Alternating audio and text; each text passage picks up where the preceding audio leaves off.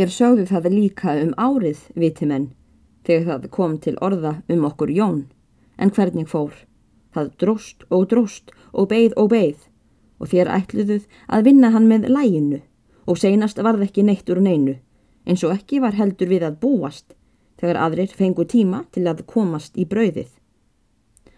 Annað mál var það, sagði prestur. Hann átti aldrei að vera annað en var að skeifa og hverjum var það að kenna að það dróst í sundur. Þú varst aldrei áfram um það að eiga hann með fleiri ógreindum orsökum. Hm, hm. Ég hefði þó átt hann á endanum, held ég. Og hvernig fer nú ef þórarinn þakkar yfir fyrir góð bóð? Hm, hm. Hvar er glóðarkerið? Vertu óhætt, sýstir. Þetta fer öðruvísi en þú heldur. Ég tók þórarinn minn þegar hann var á tíunda árinu. Ég hef kent honum að hlýða og það er ekki ofsögum sagt þó ég segi það sem hann er á hann mér að þakka. Og það held ég sé óhætt að segja. Nokkur hafi þér upp á hann að kostað. Ætli það sé ekki svo. Og jú, það væri samtals nokkrir skildingar. Hum hum, ef ég reknaði það. Ég hef það einhver staðar hjá mér, óglengt. Fyrst uppeldið, þar næst meðgjöf með honum í heimaskóla í tvo vetur, tíu krónur hvort ár og tíu fjörðungar smjörs. Og hvað var hann lengi í skóla? Það voru fjórir vetur. Þar gaf ég með honum árlega sex sögði gamla og tíu fjörðungana, ítem talsvert til bóka, hestafóður, fött og sér hvað, að ótöldu ímsu smálegu allvæn reyðtíi, í tem smásendingar og lítilræði í hans skinni til húsfrúarinnar með meiru. Hm, hm. Fyrir reglusakir hef ég það allt uppskrifað, vona ég, en ekki af því að ég ætli að láta hann að borga mér það aftur sem ég hef til hans kostað, ef hann halla sér hér að og á þig. Að öðrum kosti skal hann verða að borga mér hvern pening en hvar á hann að taka það róið, bláð fátækur maður, eða sínir sér það ósangerand? Nei, það held ég engum geti sínst. Ser þú þá ekki, sýstir, að honum er nauðugur eitt kostur að ganga að því sem ég býð? En hver er þarna að rumska fyrir framann? Mér heyrist einhver vera vakandi. Ó nei, það er hlýðarstelpan. Hún lætur svona í svefninum. Verður hún hér lengi? Fram yfir sumaramálin held ég. Konan mín hefur tekið hana. Þau hlýðarhjónin hafa beðið að lofa henni að vera hér um tíma. Hvernig fellur þér hún í geð? Ég skipti mér ekki af henni. Ég sé hún setur þarna hjá húsmóðurinni eins og uppstrókin köttur og tekur ekki hendi sinni til neins nema að fytla eitthvað við sauma. Það er nú lag á því.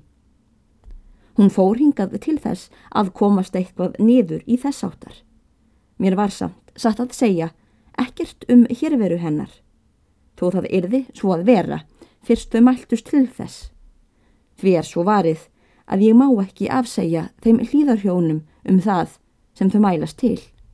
Ég hef séð það fyrri að þér viljið ekki gjöru þeim mikið til miska. Og já, það hefur verið fremur hlýlegt millir mín og hlýðarfólksins sagði prestur og létt eins og hann vildi eigða þessari umræðu. Sérilagi hans Sigurðar míns og mín. Mónsér Sigurður er ætið dáindiskarl. Hann geldur ætið reyðilega tíundir og ljóstöllin í ull og tólk eða öðrum góðum öðrum. Í tem ofur í góðu lægi. Hum hum. Það eru nú fleiri sem standa í skilum við yfir og hafið þér þá samt ekki í öðrum eins hávegum og dekri og það hlýðar fólk. Ég hef aldrei getað skilið í þeirri vináttu, sagði Guðrún.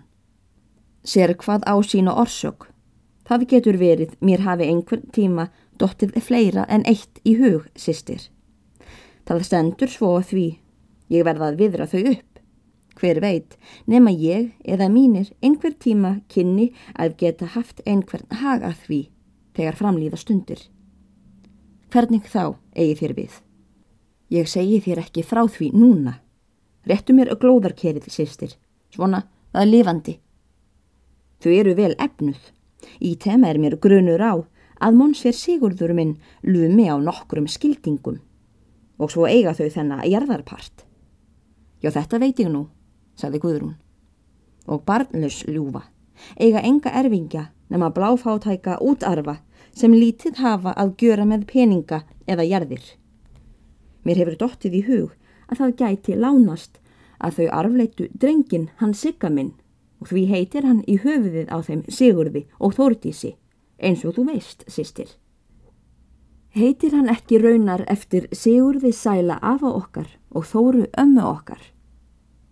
Það getur verið að svo hafi í fyrstu verið til ætlað en ekki vita þau hjónin í hlýð annað en hann heiti í höfuðið á þeim. Nú hef ég sagt þér hvernig í öllu liggur. Það er þetta tvent sem ég ætla að koma í kring áður en ég skil hér við. Að hann Sigurþór minn gæti orðið aðnjótandi reyt hann að færa þar í hlýð. Því þá hefur hann heldur eitthvað að, að hverfa með þessu litla sem hér er til og að sjá þér borgið að þú fengir viðunanlega gifting hm hm sem ég álít vera ef þórarinn mágur minn á þig. Það getur orðið vætt og duglegur maður úr honum og ég anþýr þess vel fyrir langa og hotla þjónustu hm hm og frænskap. En nú látum við þetta vera svona að sinni. En það þykist ég vita að þú reynir til svona heldur að hæna hann að þér. Hm hm og þarf þér ekki ráð að kenna kvennþjóð. Eða hvernig er hann í viðmóti við þig? Láðu mér glóðarkerið. Hérna. Hann er þurr, skjálfilega þurr. Þú verður að viðra þig upp við hann, í tegum, það er sömu leiðis. Komdu þér við hann þórarinn máminn. Hann er eins og aðrir, gladvær í rökgrunum. En nú held ég sé best þú farir að kveikja Ég heyri þær eru vaknaðar stúlkurnar fram á loftinu. Við þetta letu þau talið niður falla. Guðrún ráðskona gekk fram á loft og tók að kveikja og bar síðan ljós inn í herbergi þeirra hjóna.